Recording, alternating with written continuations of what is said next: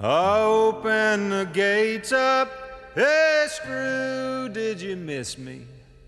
Jimmy, I see that you found a new friend. Warden, come down here and kiss me hello, cause I'm back home in Huntsville again. Welkom bij de Prison Show, programma over delict, straf, herstel en terugkeer. Oprecht, onafhankelijk en baanbrekend. Want iedereen heeft recht van spreken en verdient erkenning voor wie hij of zij is. Met Edwin En Frans. Yes, I'm back home in Huntsville again.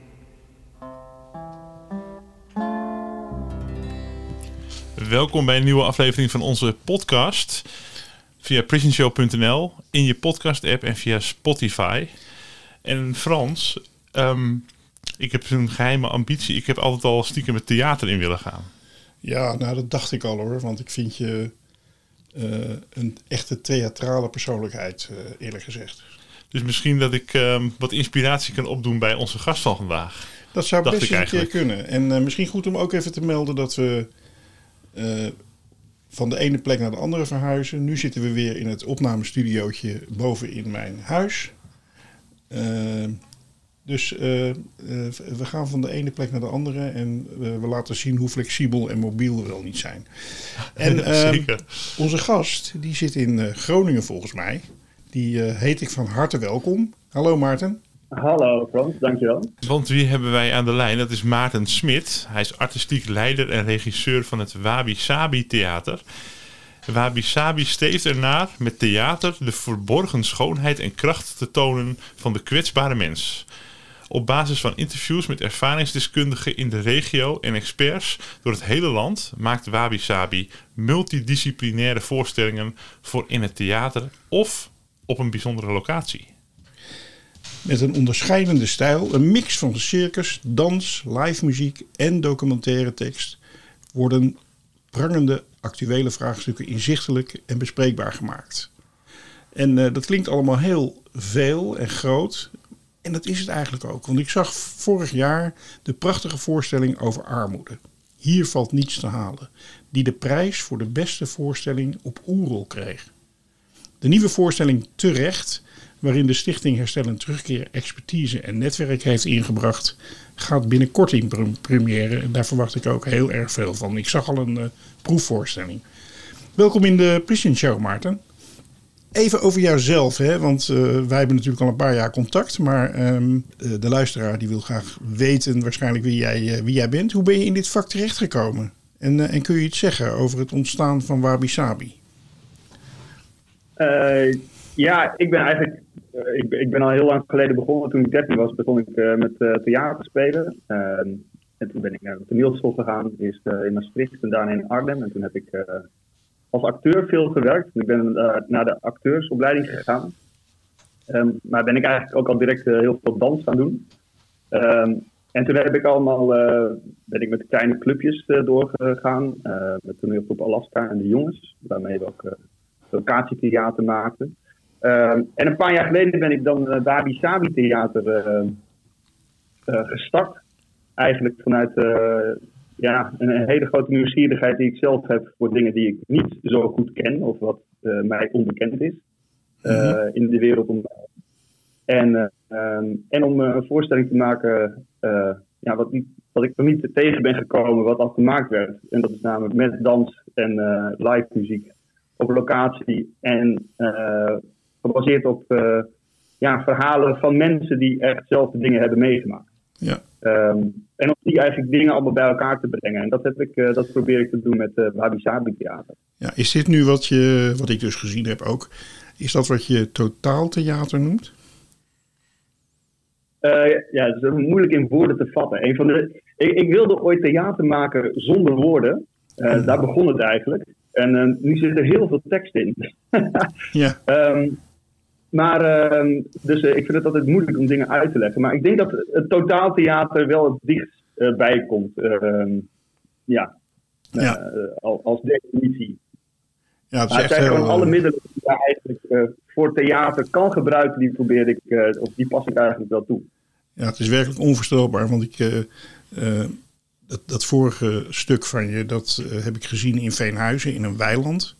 En eh, mensen kwamen zelfs, eh, acteurs kwamen zelfs eh, onder de grond vandaan kruipen en dat soort dingen. Het was werkelijk, Pardon? Daar gaan we die van behalen. ja, dat was, dat was echt heel, heel verrassend en ook heel mooi om te zien. Ja.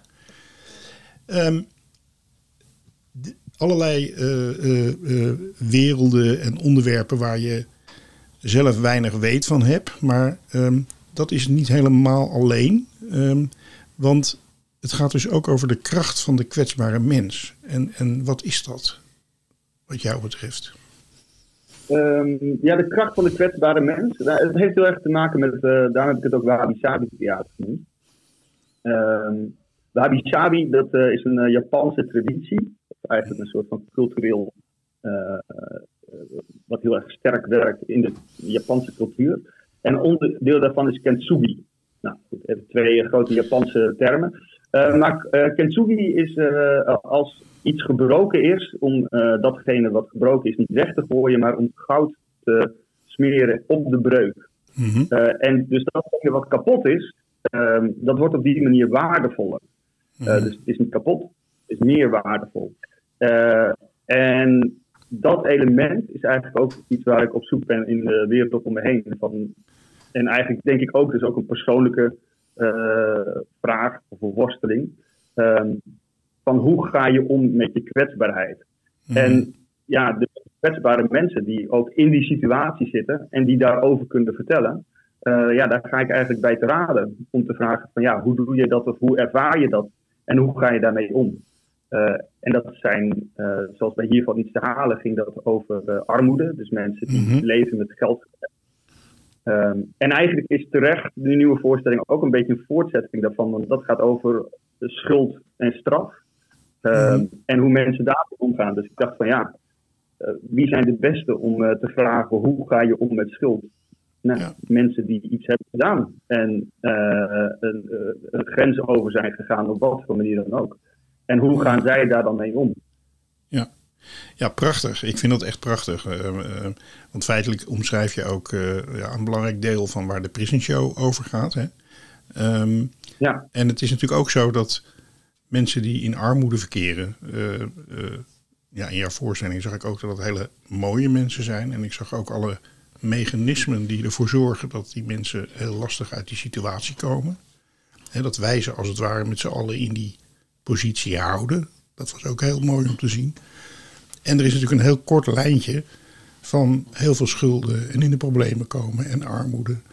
En uiteindelijk eh, ja, eh, in de problemen komen met de politie en justitie. Bijvoorbeeld kinderen. Ja. Ehm, en eh, inderdaad, dat is een hele, hele korte lijn. Mooi dat je dat vervolg bent gaan maken. Ehm, ja het grappige is bij hiervan iets te halen. Dat ging eigenlijk ook over uitsluiting. Mhm, eh, en over eigenwaarde. Dus daar kwam ik een beetje achter. Je, je denkt van, oh, überhaupt. Ja, ik kom altijd van de plek, denk ik, waar heel veel mensen in zitten. Dat je denkt van, nou, we hebben toch in Nederland genoeg geld. Iedereen heeft geld. mhm, Dus hoe kan je nou arm zijn in Nederland? ja, Eh, en het eerste waar ik achter kwam was dat eh, het eerste gesprek wat ik had ging al over zelfmoord ja, en over hele grote onderwerpen. En dat is eigenlijk bij eh, ja, de mensen die in de gevangenis zitten, ja, dat is toch een steekje bij los. Of dat zijn hele andere mensen. Ja. En dan ga je praten en dan blijkt dat, eh, dan blijkt dat niet zo te zijn. En blijkt er ook een hele hoop met uitsluiting te maken hebben of eh, het gevoel geen kans te hebben. Maar goed, het is heel divers natuurlijk. Dus dat Ja. is ook wel een ander onderwerp. En een hele hoop verschillende redenen om ja, met de gevangenis of justitie in aanraking te komen. ja.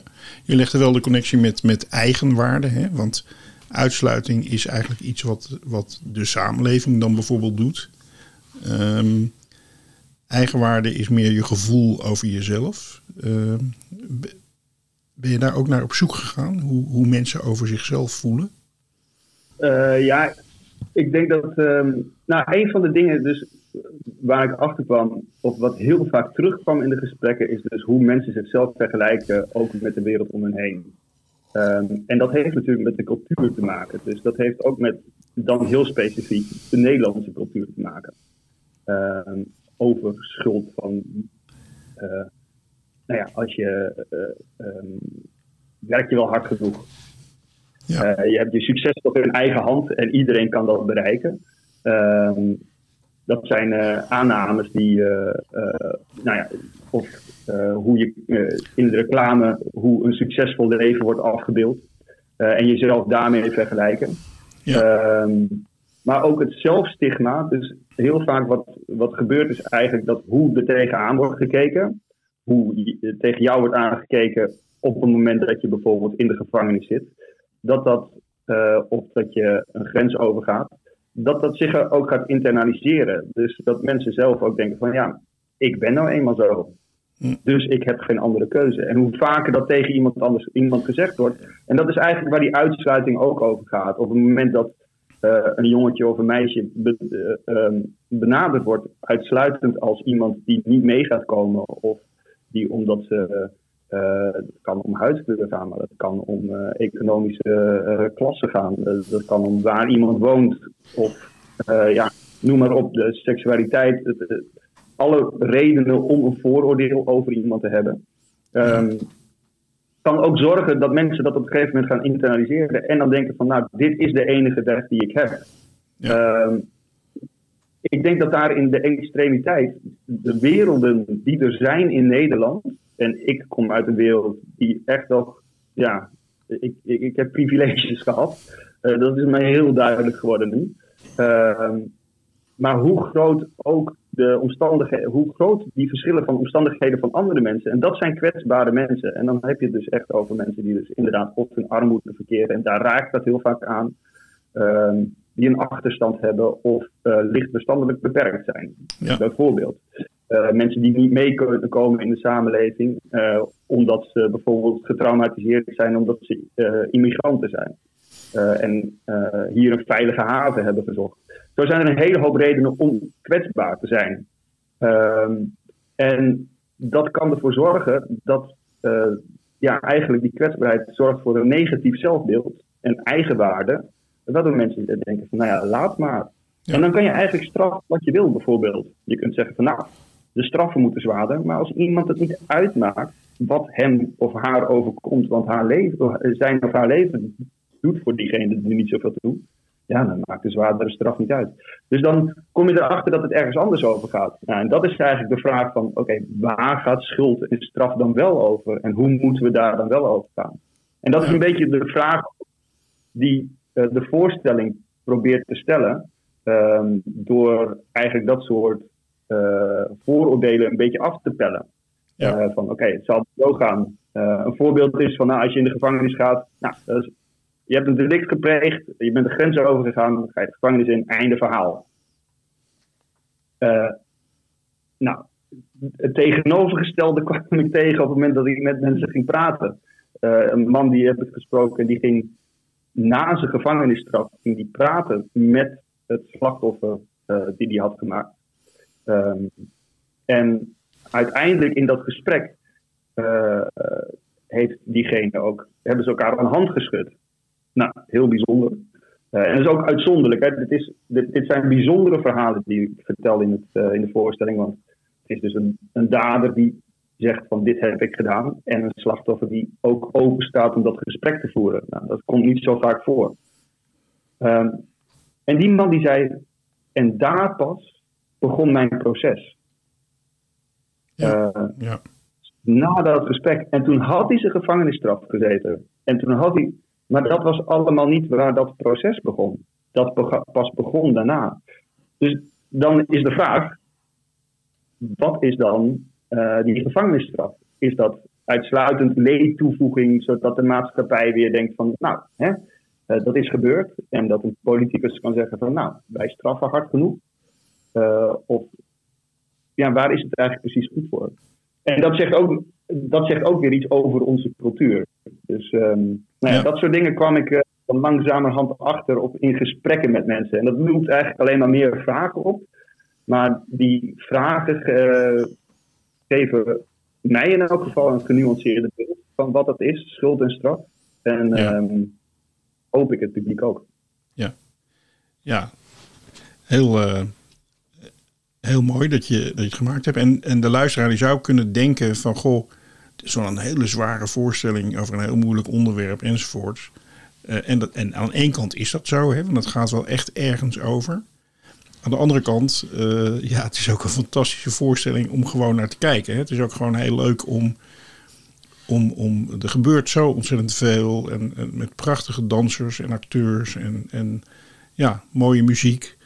Ehm, Ja, wat, wat kunnen mensen verwachten van de voorstelling terecht?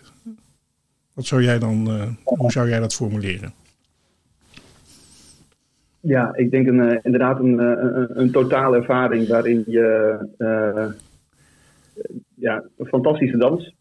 Ik werk met fantastische dansers, die zijn dus professioneel dansgeschoold. Maar zijn ook hele goede acteurs. En kunnen ook de teksten heel goed overbrengen. Eh, en dat gaat eigenlijk tegelijk samen met eh, de live muziek. Martin Franke die eh, live drumt en zingt en ook speelt. We spelen het in een kerk waarin, eh, waar we een soort van abstracte rechtbank hebben gebouwd. En eigenlijk zijn alle scènes, dat zijn een soort van metaforen, maar die zijn ook heel grappig van iemand die helemaal opgesloten zit in een heel klein stelletje van 50 bij 50 centimeter. Eh, tot eh, mensen die eh, op van de raarste plekken vandaan komen, waarin de onderwereld, de bovenwereld en de kerk allemaal symbolisch aanwezig zijn. Waarin een, een rechter met grote hamers aan het, aan het drummen is op alles en niks. Ja, Ehm, en met zang. Dus het is, een, het, is wat dat betreft. Ik probeer die. theater is toch altijd uitvergroting, overstatement of understatement Ja. van bepaalde onderwerpen. Ehm, nou ja, dat gebruik ik, eh, ik heel veel. Eh, mijn eigen fantasie eh, die gaat nog alles met me op de loop. En de wereld die komt af en toe best absurd op mij over. ja, Ehm, nou ja, die absurditeit en die humor, wat ik ook heel, veel, heel vaak op te lachen vind. ehm, dat is ook hoe ik m- mijn theatervoorstellingen probeer te maken. Ja. Dat is gewoon ook- ook een beetje hoe de wereld, hoe ik probeer chocola van de wereld te maken. En dat is, ja, dat, dat is eh, redelijk absurd en, eh, en ook wel humoristisch. En ontroerend, hoop ik. ja zeker. Ik, ik heb de, de oefenvoorstelling gezien, die was nog lang niet compleet. Maar ehm, je ziet dan eh, mensen op allerlei manieren klimmen en, en enorme changements van enorme grote blokken die, waar, waar ook mensen achter staan en opstaan. Tijdens de, tijdens de voorstelling was er een jongen die donderde nog van het podium af. En dat, gelukkig liep dat allemaal goed af. Maar Ja. ja, om even aan te geven eh, hoe dieper in de, in, de, in de zak met trucs en, en mogelijkheden wordt getast. eh, dat was werkelijk. eh, de term circus is inderdaad ook, ook wel van toepassing. Ja, ja nee, ik- soms werk ik ook echt met circusartiesten, omdat die eh, ehm, ja, dingen kunnen die heel goed verbeelden eigenlijk waar een bepaald onderwerp over gaat. Ja. Eh, en dat is ook waarom ik heel veel dans gebruik, omdat eh, veel van de mensen die ik interview, ja, die vertellen iets, maar ondertussen zijn er ook een hele hoop dingen die ze niet zeggen. En eigenlijk dingen, de dingen die mensen niet zeggen zijn minstens zo interessant. Eh, en die probeer ik door beeld en dans en, en muziek wel aanwezig te laten zijn. En ook in voelbaar maken wat, wat mensen meemaken. En ook, ja, mensen die de meest vreselijke dingen meemaken, die vertellen ze lachend. Dus eh, een, een, zal maar zeggen, slechte acteur of actrice, die zou, het, eh, die zou iets heel huilend zeggen. Ja. Maar eh, als je ze echt spreekt, ja, die schateren het uit terwijl ze het hebben over dat ze bijna van de gebouw afspringen omdat ze, omdat ze niet meer zitten. Ja, Maar gelukkig heb ik het niet gedaan. Want, nou ja, stel je voor dat het mislukt, dan, dan ben ik nog verder vooruit. Dus ik, ik sprong maar weer in bed. Ja. Maar ondertussen eh, denk je van hierin, wat, wat gaat er allemaal om in iemand? Ja. Maar, en dat is misschien ook die kwetsbaarheid van mensen. Dat is eh, de, de, de, weerbaarheid om met humor en, ehm, eh, te overleven en met dat soort tegenslag om te gaan. Nou, dat is echt bewonderenswaardig en nastrepenswaardig, vind ik, over hoe mensen daarmee omgaan. En, ehm, en bijvoorbeeld hun leven helemaal omkeren.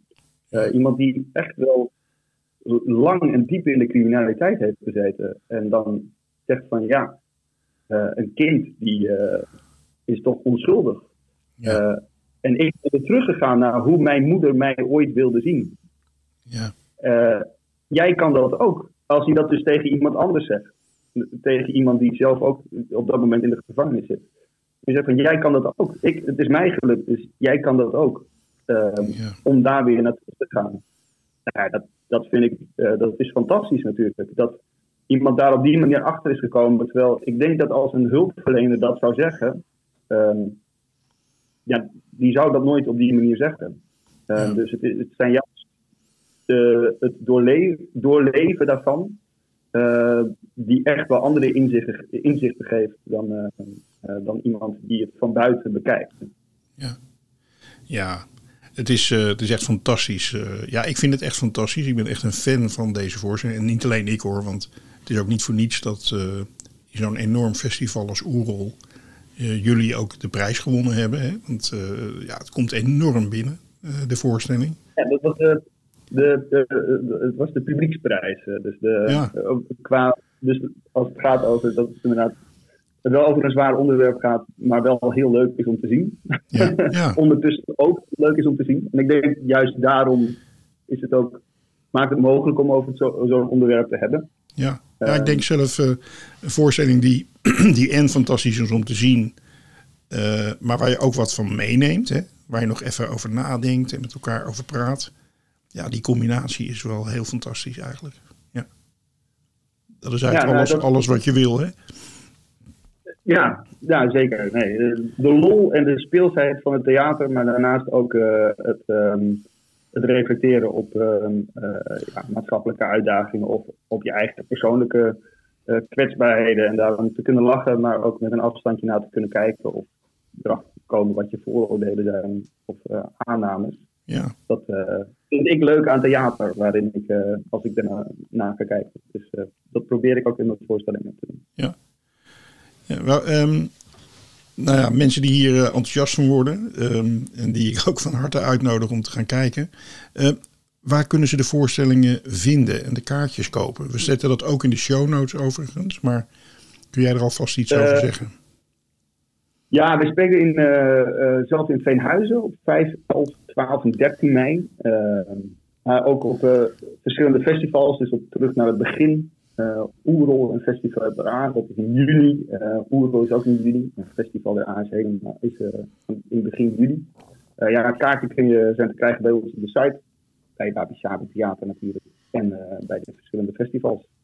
We hopen nog in 2024 ook nog vaker zijn we aan het kijken ehm, dat we naast de festivals ook voor organisaties en instellingen kunnen spelen om te kijken of we nou ja, het verhaal nog verder los kunnen maken eh, of de discussie eh, eh, ook daarover met mensen te voeren. Wel- welke, welke mensen zouden in ieder geval deze voorstelling moeten zien, denk je? Waarvoor het echt een must-see is? Ja, ik denk dat iedereen die van theater houdt, hopelijk, die, die, die moet het gaan zien. Ehm, eh, maar inhoudelijk, ehm, ja, ik denk dat heel veel mensen die eh, zelf binnen eh, dat gebied werken, eh, er iets aan kunnen hebben om ook met elkaar erover te kunnen gaan praten. Dus dat gaat van de re- reclassering tot en met de rechtspraak. Ehm, ook mensen van de politie. ja, ook van veel van de mensen die aan de hulpverleningskant zitten, die omgaan met ehm, mensen die in detentie hebben gezeten. Of, ook, we willen het ook heel graag voor jongeren spelen. Dus eh, bijvoorbeeld Ja. de problematiek die in Rotterdam leeft. ehm, over jongeren die in de gevangenis komen of met, eh, dus met criminaliteit in aanraking komen, bijvoorbeeld bij de cocaïne smokkel uit eh, containers. Ehm, het geld dat ze daarmee kunnen verdienen. Ehm, ja, ook voor hun proberen we het, eh, proberen we het ook te spelen. Want ik denk dat ehm, wat daar wel heel erg in de voorstelling naar voren komt.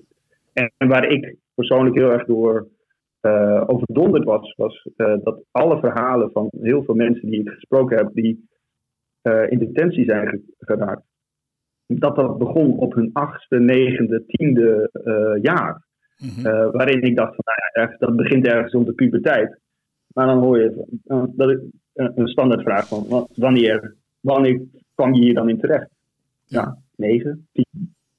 Nou, dat, mijn dochter is, is negen. Ja. Het, het, feit dat iemand bewust op die leeftijd de keuze maakt om, daarin te, om, daar, om die afslag te nemen, uh, dat maakte dat ik al uh, dacht van nou, ik moet hier even wat verder op door gaan vragen en ik ben benieuwd wat dit dan is.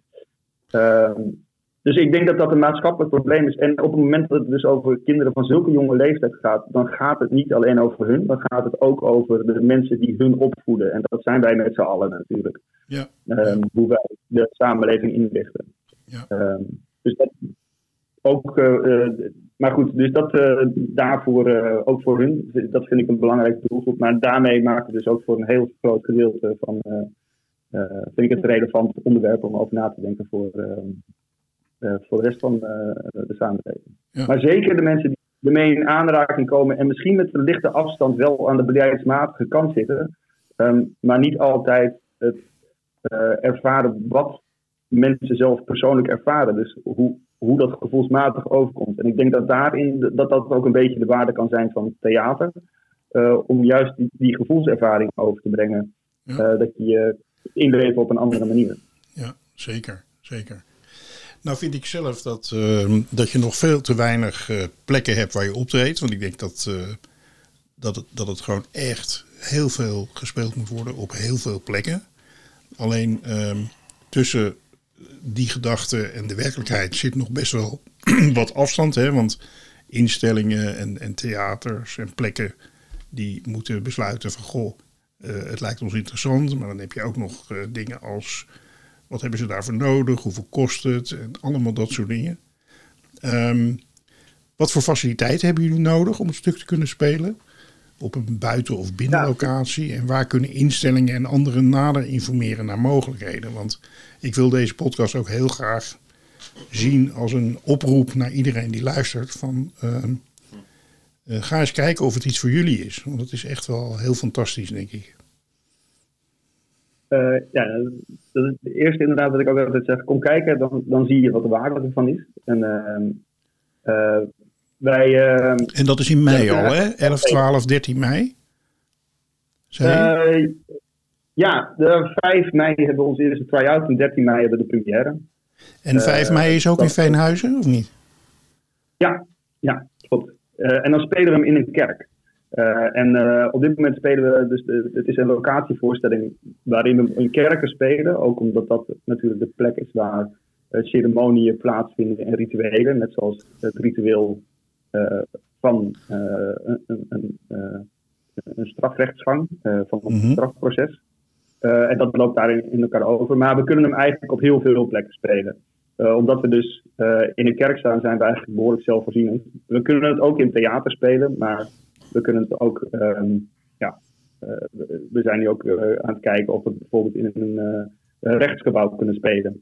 Oké. Okay. want we hebben een podium van 4 bij 4 lampen en, en alle speakers. Dus we zijn eigenlijk wat dat betreft helemaal zelfvoorzienend. Um, maar daar, de enige noodzaak is dat we genoeg stroom en uh, genoeg ruimte hebben om het publiek te herbergen en, uh, ja. uh, en een plek om ons podium te bouwen ja, ja, ja. Dus 5 mei al de eerste. Um, vier voorstellingen in mei. Het is in Fijnhuizen. Dat is wel even een uh, ritje voor de meeste mensen uit het westen van het land. Ja. Um, ja, ik zou toch zeggen, als je bij een instelling werkt of uh, eindverantwoordelijk bent voor een, voor een instelling of geïnteresseerd bent, ga dan vooral naar een van die vier voorstellingen. Um, het is echt sowieso voor jezelf heel erg de moeite waard. Maar dan kun je ook ja, beoordelen of het iets is wat, wat je verder zou willen brengen, zeg maar. En wat je wil laten zien aan, uh, aan mensen. Scholen zijn trouwens ook best, denk ik, een hele belangrijke plek om, uh, om deze voorstelling te laten zien. En uh, ja, als je een hogeschool werkt op een hogeschool en je hebt een grote zaal waar je dit soort voorstellingen kunt laten zien voor heel veel leerlingen, dan lijkt me dat ook een fantastische fantastische gebeurtenis voor die, eh, voor die kinderen. Of voor die jongeren. Want dat zijn namelijk ook vaak de mensen die later met eh, deze groepen te maken krijgen in hun werk. Ehm, Ja. dus, eh, dus in mei allemaal naar, eh, naar Veenhuizen om een van de voorstellingen te gaan, zou ik zeggen. Ehm, en ja, uiteraard kunnen mensen contact met jullie opnemen hè, over, over prijzen en dat soort dingen. Of hoeveel het kost, neem ik aan. Ja.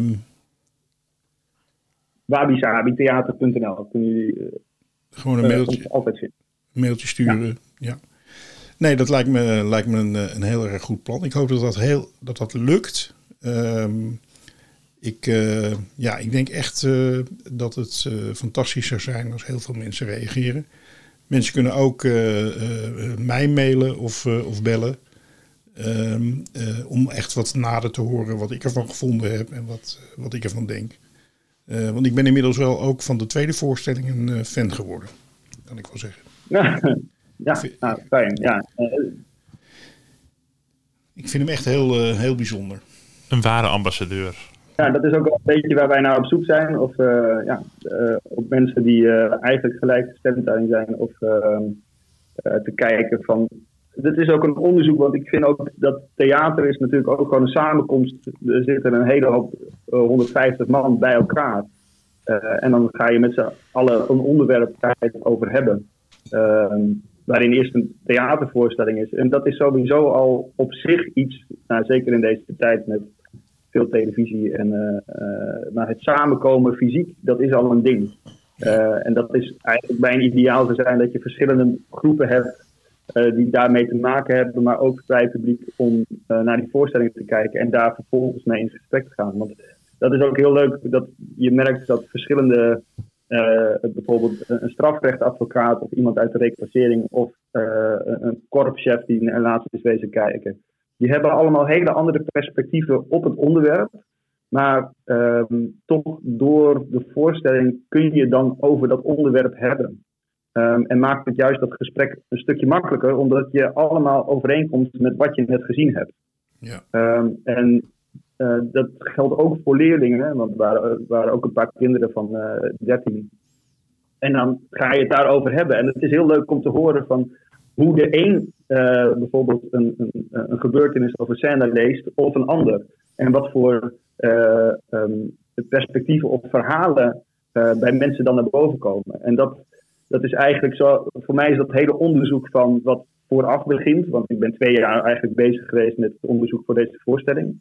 Ehm, maar dat traject gaat eigenlijk tijdens de voorstelling door en ook daarna eh, om te kijken van ja, wat, hoe reageren daar mensen daar dan vervolgens op en hoe, hoe, kan dat, eh, hoe verloopt dat gesprek vervolgens. Dus voor mij is dat ook een soort van doorgaande lijn. En dat is ook waarom ik, eh, niet alleen omdat ik, vind, omdat ik het leuk vind natuurlijk dat de voorstelling zoveel mogelijk speelt, maar dat is een onderdeel voor mij van dat hele proces. Dat vind ik, eh, ja, dat vind ik heel leuk en ik hoop dat dat, eh, dat, dat eh, eh, waardevol kan zijn. Ja. Nou, ik voel mezelf in ieder geval heel erg meegenomen in dat proces ook. Hè? Want als, als toeschouwer ga je ook nadenken over hoe gaan we eigenlijk met elkaar om en hoe kijken we naar elkaar en, en hoe doen we eigenlijk dingen. Ehm, en dat is natuurlijk iets wat nooit stopt. Hè? Dat, eh, zeker als tijden veranderen en je wordt zelf ouder, je blijft er steeds over nadenken. En ehm, ja, deze voorstelling eh, geef je dan geef je echt wel een zetje en is ook inspirerend. Dus eh, ja, het is inderdaad een gezamenlijke, gezamenlijk traject wat je doorloopt eigenlijk. En onvergelijkbaar overigens met, met televisie of, of, of bioscoop of wat dan ook. Het is echt, de beleving is totaal anders. Iedere vergelijking gaat eigenlijk, eh, loopt eigenlijk mank. De afstand is er niet. Ja. Tussen, de, tussen het publiek en de, ja, je bent echt in, in het moment. Ja. Ja, nou, en we hebben, en dat is ook wel, eh, dat is wel leuk om erbij te zeggen, dat het, het is een van de dingen die we ook altijd hebben, is dat een ervaringsdeskundige na de voorstelling nog ehm, gaat praten. Eh, en in dit geval is dat iemand die zelf dus eh, ook in de gevangenis heeft gezeten. En soms hebben we ook andere mensen, maar eh, hij praat het meest. Ehm, want eigenlijk, dat vind ik nog wel, dat, de, theater is natuurlijk een overdrijving en een vergroting. En daar zit ook wel eh, daarmee een bepaalde dramatisering in, eh, die noodzakelijk is om het ook invoelbaar te maken. Ehm, maar daarom is ook de link met dat het echt een verhaal, dat het echt verhalen zijn uit de samenleving en uit de wereld om je heen. die vind ik heel belangrijk. Dus dat is ook de reden waarom diegene daarna, eh, ja, die staat eigenlijk op en die zegt van nou, wat jullie net hebben gezien, eh, dat was mijn verhaal. En vrij letterlijk, want er zitten heel veel teksten van hem zitten erin. En die, eh, hij gaat ook dat gesprek daarna aan met het publiek. Wat ik en heel dapper vind, en, maar ook heel goed. En hij is ook iemand die ehm, ja, ook nastrevenswaardige dingen heeft gedaan. Ook daar op een bepaalde manier achter is gekomen ehm, die heel bijzonder is. Ja. Ehm, nou ja, dat is bij heel veel mensen die ik ben tegengekomen binnen dit strafproces. En bij jou persoonlijk, en bij jou persoonlijk, want ik kan me ook voorstellen dat het maken van de voorstelling ook voor jou iets heeft betekend. Je, je doet het vanuit al een hele mooie open blik, een open vizier. Eh, zo kom je aan die verhalen met die, met die instelling. Maar wat heeft de voorstelling voor jou persoonlijk betekend? Of, of, of gedaan om, om, om, om die te maken? Nou, ik denk dat mijn plaats in de wereld weer een stukje helderder is. Dus dat ik dacht van mijn eigen aannames. Ja, ik loop natuurlijk gewoon keihard tegen mijn eigen vooroordelen op. Dus het is een. eh, hoe, ik, ik denk dat ik daar voor een heel groot gedeelte zelf in stond. Eh, dat ik aannames heb over de wereld om me heen heb. En over, de, eh, en over hoe mensen. Ja, wat, ja, weet je, je hebt gewoon iets verkeerd gedaan. Dus dan ga je de bak in.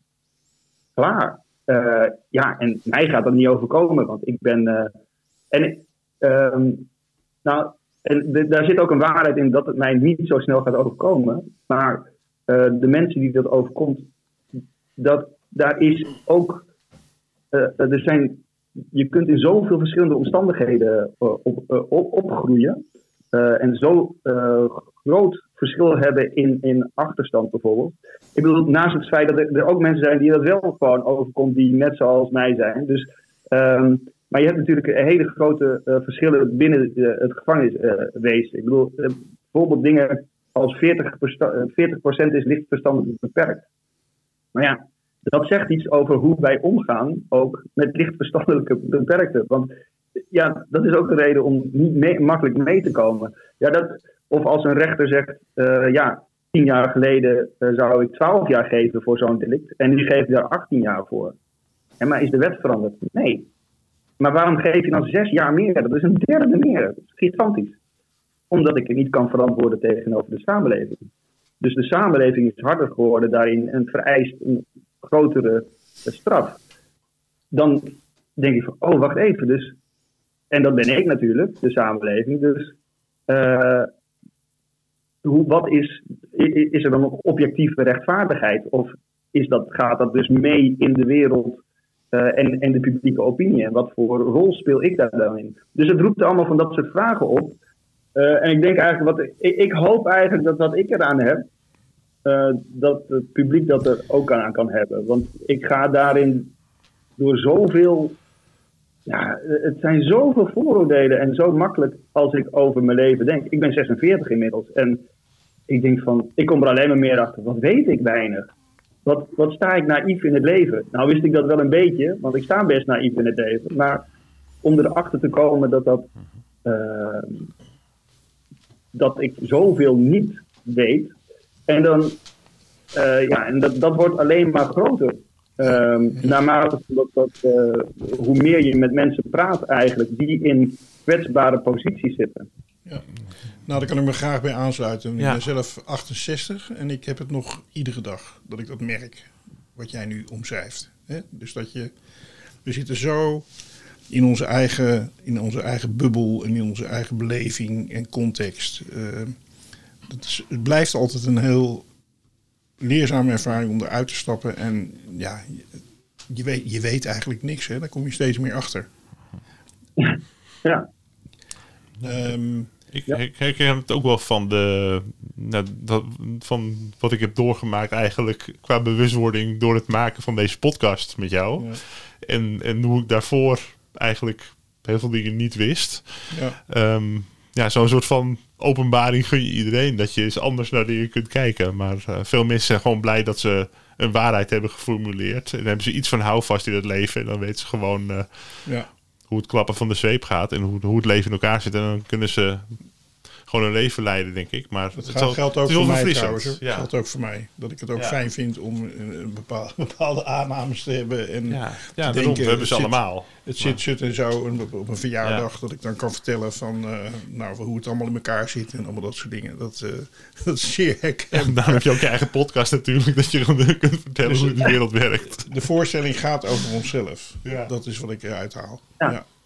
Eigenlijk. Ja, en weet je, dat, dat, je, eh, precies wat je zegt. Je hebt het ook nodig ehm, om, eh, als je overal de hele dag over na moet denken en open staat voor alles. Nou, je wordt helemaal gek als Ja. je met alles en iedere rekening gaat houden. Ehm, maar, en daarin, dat, is een beetje, dat komt een beetje terug op, op dat verhaal van over eh, imperfecties. Van waar die barst zit en wat is waardevol. Dus wat vind je waardevol en eh, waar hecht je waarde aan? En wat vind je dus belangrijk om eh, in de wereld te brengen en eh, hoe om te gaan met mensen? En ja, dat onderzoek, dat is eigenlijk, ja, dat, dat, dat gaat daarin gewoon door. En dat kan over schuld en straf gaan, dat kan over armoede gaan, dat kan over schoonheid gaan, of dat kan over uitsluiting gaan. Of, dat zijn allemaal dingen waar, waar we de hele dag eigenlijk mee bezig zijn. En dat, volgens mij is dat iets wat jij eh, zei, eh, Frans, ehm, over. Het is ook dat als je een jongetje tegenkomt waar niemand de hele tijd iets tegen zegt, al zeg je even van: hé, hey, heb je, eh, wat heb je mooie schoenen? Gewoon het feit dat je iemand ziet, dat maakt al alle verschil. Eh, dus dat is ook iets waar ik achter ben gekomen in die verhalen, dat het zo dichtbij ligt eigenlijk. Dus het lijkt over hele grote thema's te gaan en over samenleving en maatschappij en bla bla bla, bla. heel groot. Maar het komt eigenlijk neer op hele kleine dingen. Ehm, als iemand eh, om geld vraagt, ja, ook al geef je hem geen geld, gewoon even, hey, goeiedag. Eh, dat je hem in ieder geval ziet en niet uit schaamte langsloopt om, eh, om hem niet te zien en dan niet aankijkt, omdat je het weet.